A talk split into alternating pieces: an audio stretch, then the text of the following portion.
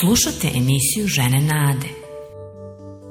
Žene Nade je program namenjen ženama. U narednih pola sata ćete uživati u lepoj muzici i posebnoj poruci za vaše srce. Ostanite uz nas.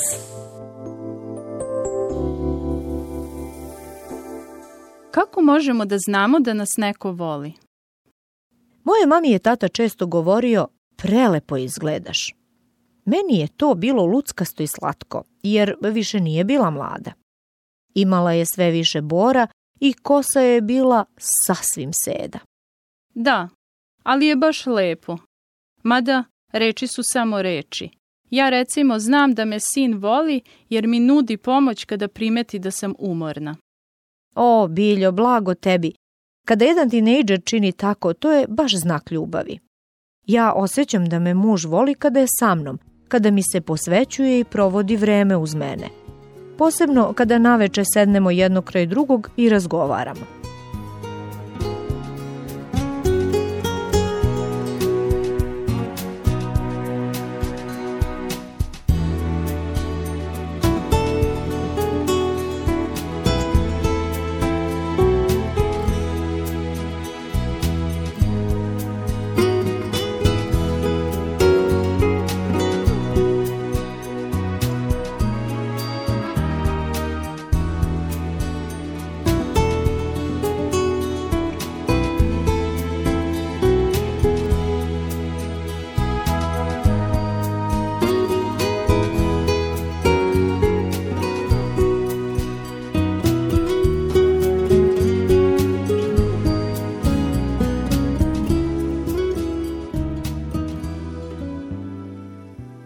Pozdrav svima, drage prijateljice, drage žene Nade.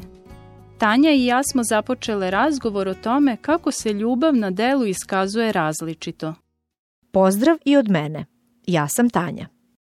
Pa, reci nam Tanja, šta biva kada ti muž sav bitan za rođendan donese cveće, a ti ga pre toga danima moliš da popravi bravu na vratima?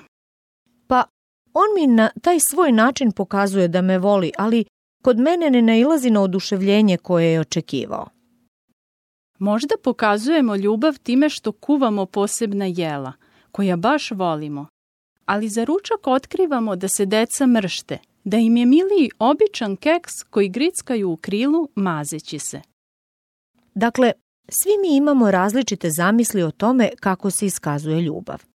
Zato ponekad ne razumemo jedni druge, ne znamo zašto baš to i tako rade tvrdeći da nas vole. To je ono što se zove jezikom ljubavi, tačnije jezicima. Pošto očigledno ovo osjećanje komuniciramo drugačije. To nam je svima potrebno. Ljubav nam je svima potrebna, ali volimo da je doživimo na jedan ili najviše dva načina. To je ono što nam osvaja srce. Često u jednoj porodici vidimo da se i najrođeniji razlikuju u tome. Primetila sam to kod dece u svim porodicama. Prosto, svako od njih je drugačije kao ličnost. Slažem se, Tanja.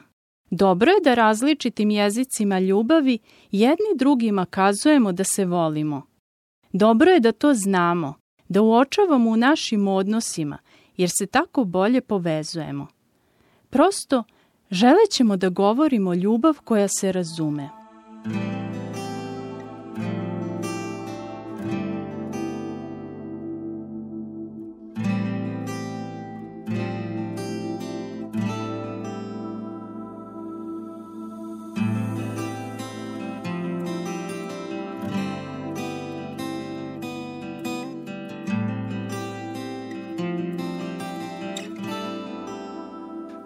si moje iseljenje, oslobođenje, branič moj i moja uteha, ti si čuvar moj, gospodar života mog.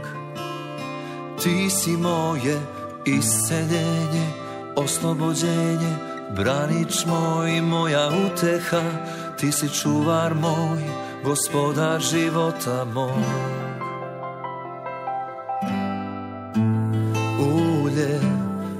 radosti Umesto ruha žalosti On umorno me snagu vraća Iseljuje srca slomljena Zarobljenima daje slobodu On žalostnima vraća radost krepi klonule da im pesmu hvale mesto duha očaja ulje radosti umesto ruha žalosti ti si moje isceljenje oslobođenje branič moj moja uteha ti si čuvar moj, gospodar života mog Ti si moje isceljenje, oslobođenje Branič moj, moja uteha Ti si čuvar moj, gospodar života mog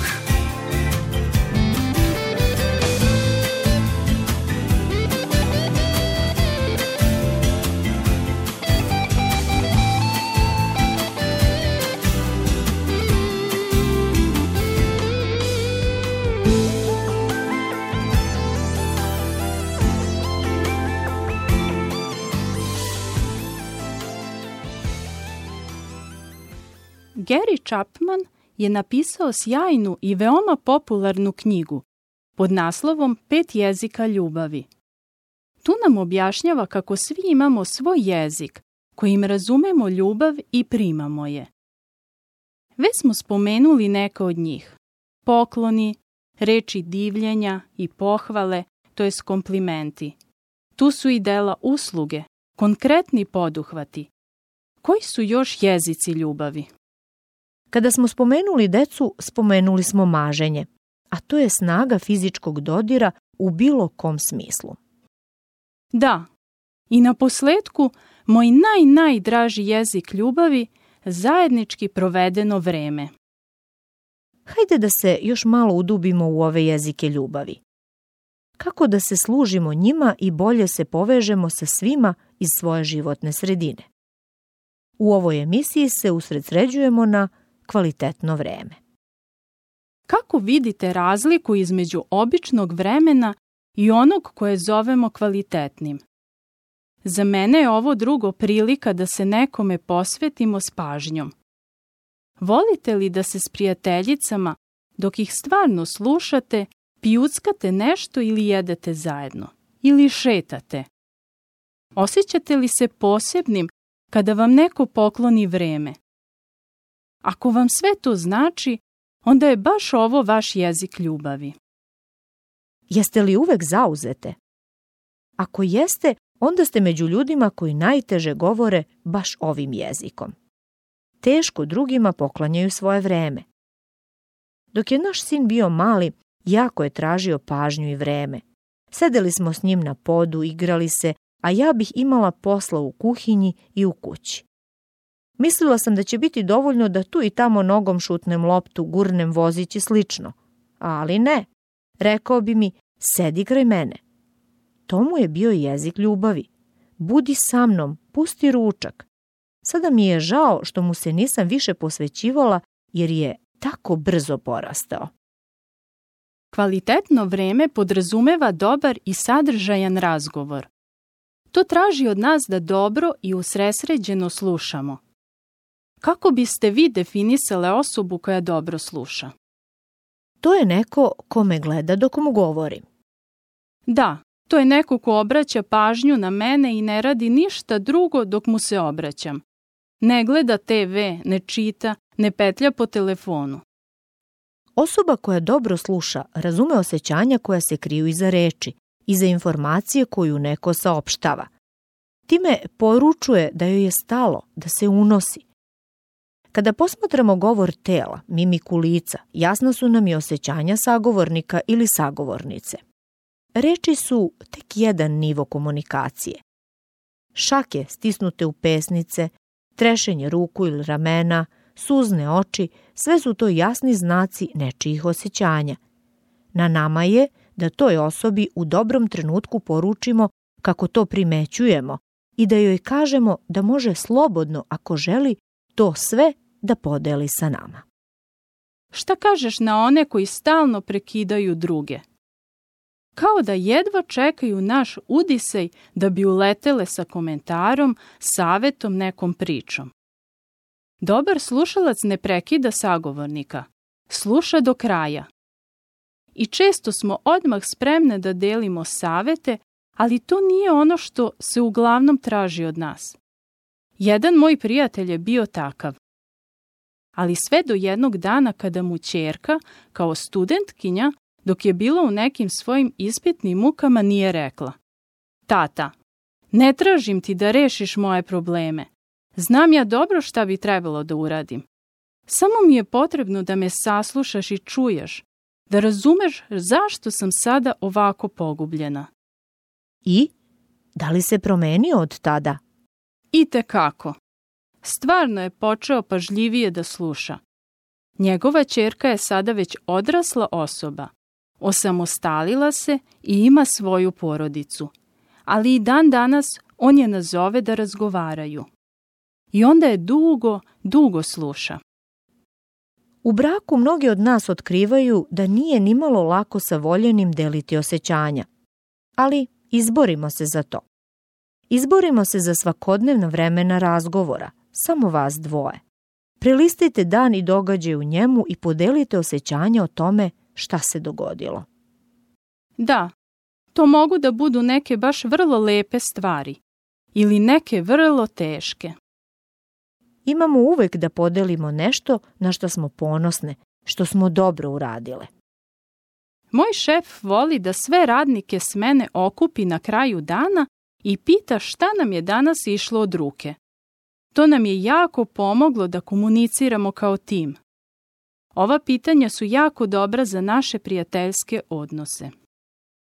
Prijateljici i prijatelji, baš kao i porodica, često i ne razgovaraju previše, ali svejedno je potrebno da zajedno provodimo vreme, makar se i sećali prošlosti. Da li, kada smo kao porodica zajedno, radimo nešto zabavno?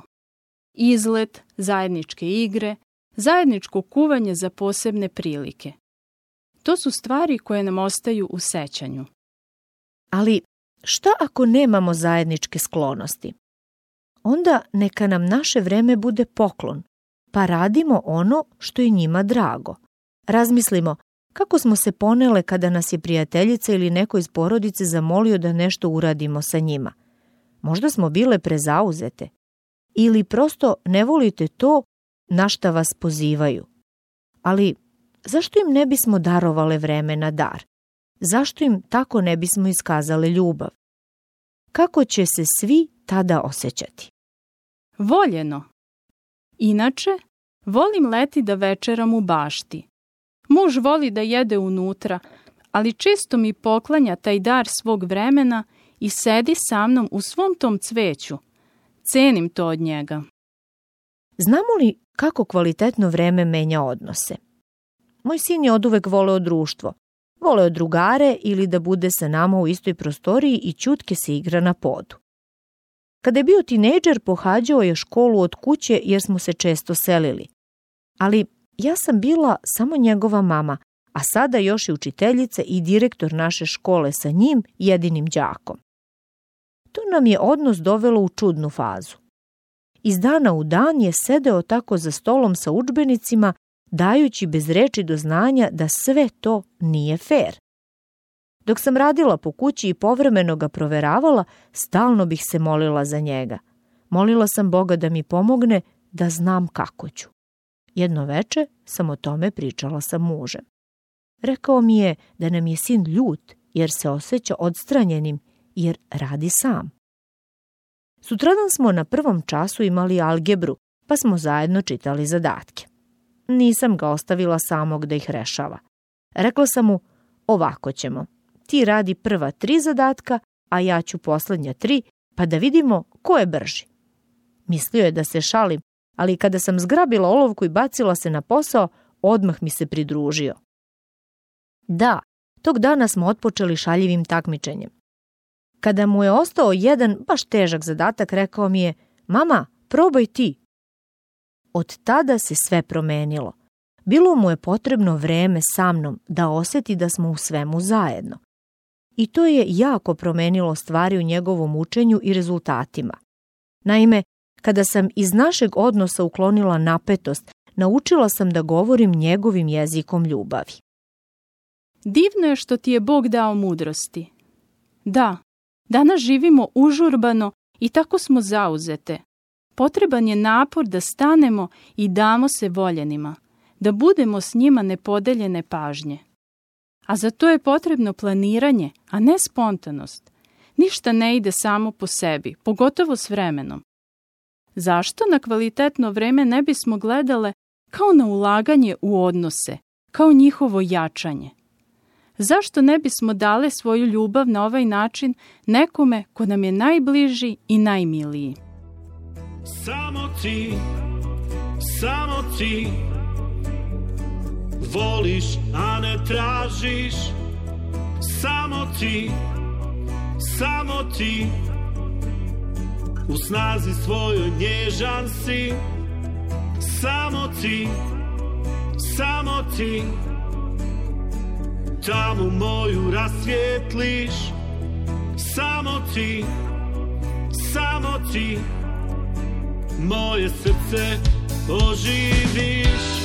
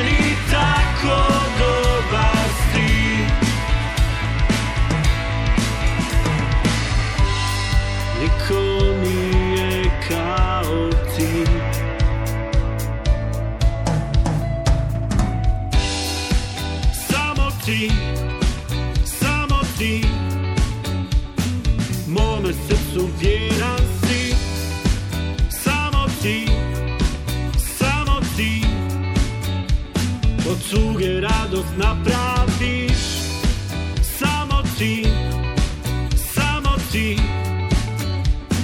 Hladno srce rastopiš Samo ti, samo ti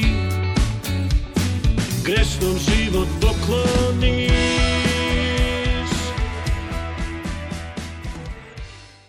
Ponovo smo zajedno u emisiji Žene Nade govorimo o davanju kvalitetnog vremena kao jednog od jezika ljubavi kojim neki ili neke od nas govore.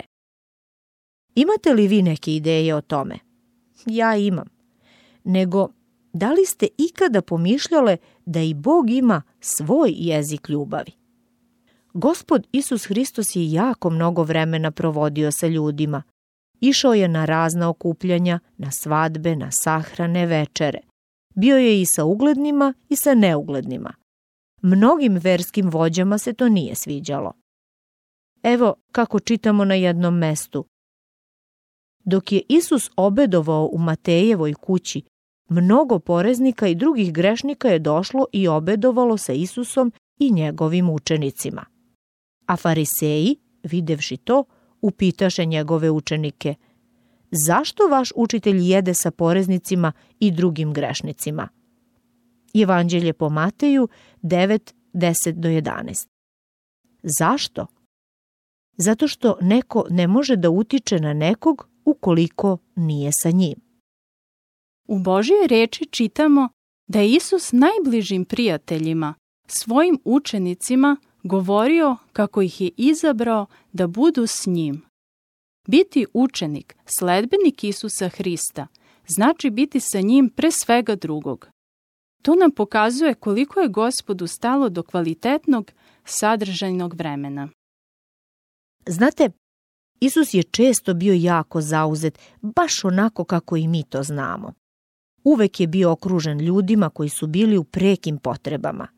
Lečio je bolesne, poučavao mnoštvo o Bogu i životu sa njim. Nema sumnje da je na kraju dana bivao smožden. Ali i takav je bio u potrebi za kvalitetnim vremenom sa ocem, sa jedinim živim Bogom. Tako u pismu čitamo da se često povlačio u osamu radi molitve. Evanđelje po Mateju 14. glava 23. stih. Ponekad bi ustajao jako rano, još pre svanuća, odlazio na usamljena mesta da bi ocu posvetio vreme i Evanđelje po Marku 1.35. Činimo li mi tako? U užurbanom životu smo često prinuđene i da se odreknemo dužeg spavanja kako bismo posvetile kvalitetno vreme molitvi. Isusu je to bilo potrebno. A šta tek mi da kažemo?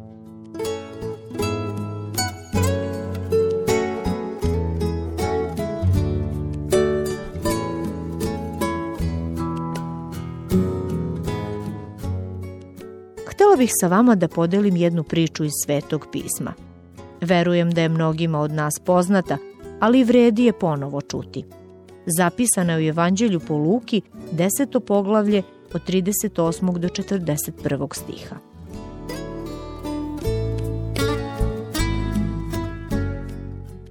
Dok su putovali, Isus svrati u neko selo. Tamo ga je ugostila neka žena po imenu Marta – Ona je imala sestru koja se zvala Marija. Ova druga je sela do gospodinovih nogu i slušala njegovo učenje. A Marta se sva rastrčala da ga što bolje posluži. Ona priđe i reče, gospode, zar ne mariš što me je moja sestra ostavila da sama poslužujem? Reci joj iz toga da mi pomogne. Isus joj odgovori.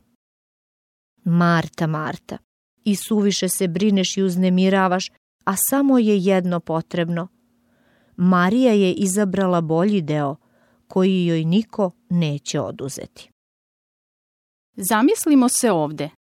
Većina nas žena bi rekla Joj, pa trebalo je da Marija pomogne svojoj sestri. Šta će gosti reći ako nisu dočekani kako valja? Ako nema lepih jela, poslastica, šta ako kuća nije cakum pakum? Pa obrukale bi se pre svima. Da, svako od nas bi učinila sve što može i dala svoje najbolje za tako posebnog gosta kakav je bio Isus. A još u ono vreme, ženi jeste bilo mesto u kuhinji, a ne da sedi u muškom društvu na podu, tik uz Isusa. Da, možemo da razumemo Martu. Ipak, pitam se da li je Isus hteo svadbenu večeru. Pa i oni sledbenici su živeli na prašnjavim putevima, jeli šta bi imali, šta bi im ko dao, spavali su pod vedrim nebom. Nisu žudeli za posebnim obracima. I baš to joj je Isus rekao onakoj zabrinutoj, užurbanoj i iznerviranoj. Dakle, Marija je sedela i slušala Isusa dok je Marta jurcala po kuhinji, gunđala i ljutila se. Ipak, Isus je nežan prema njoj. Znao ju je jako dobro. Voleo je i nju i sve iz njene porodice. Zato joj je iz ljubavi rekao da greši, da se brine uludo i da joj je bolje da se ugleda na sestru.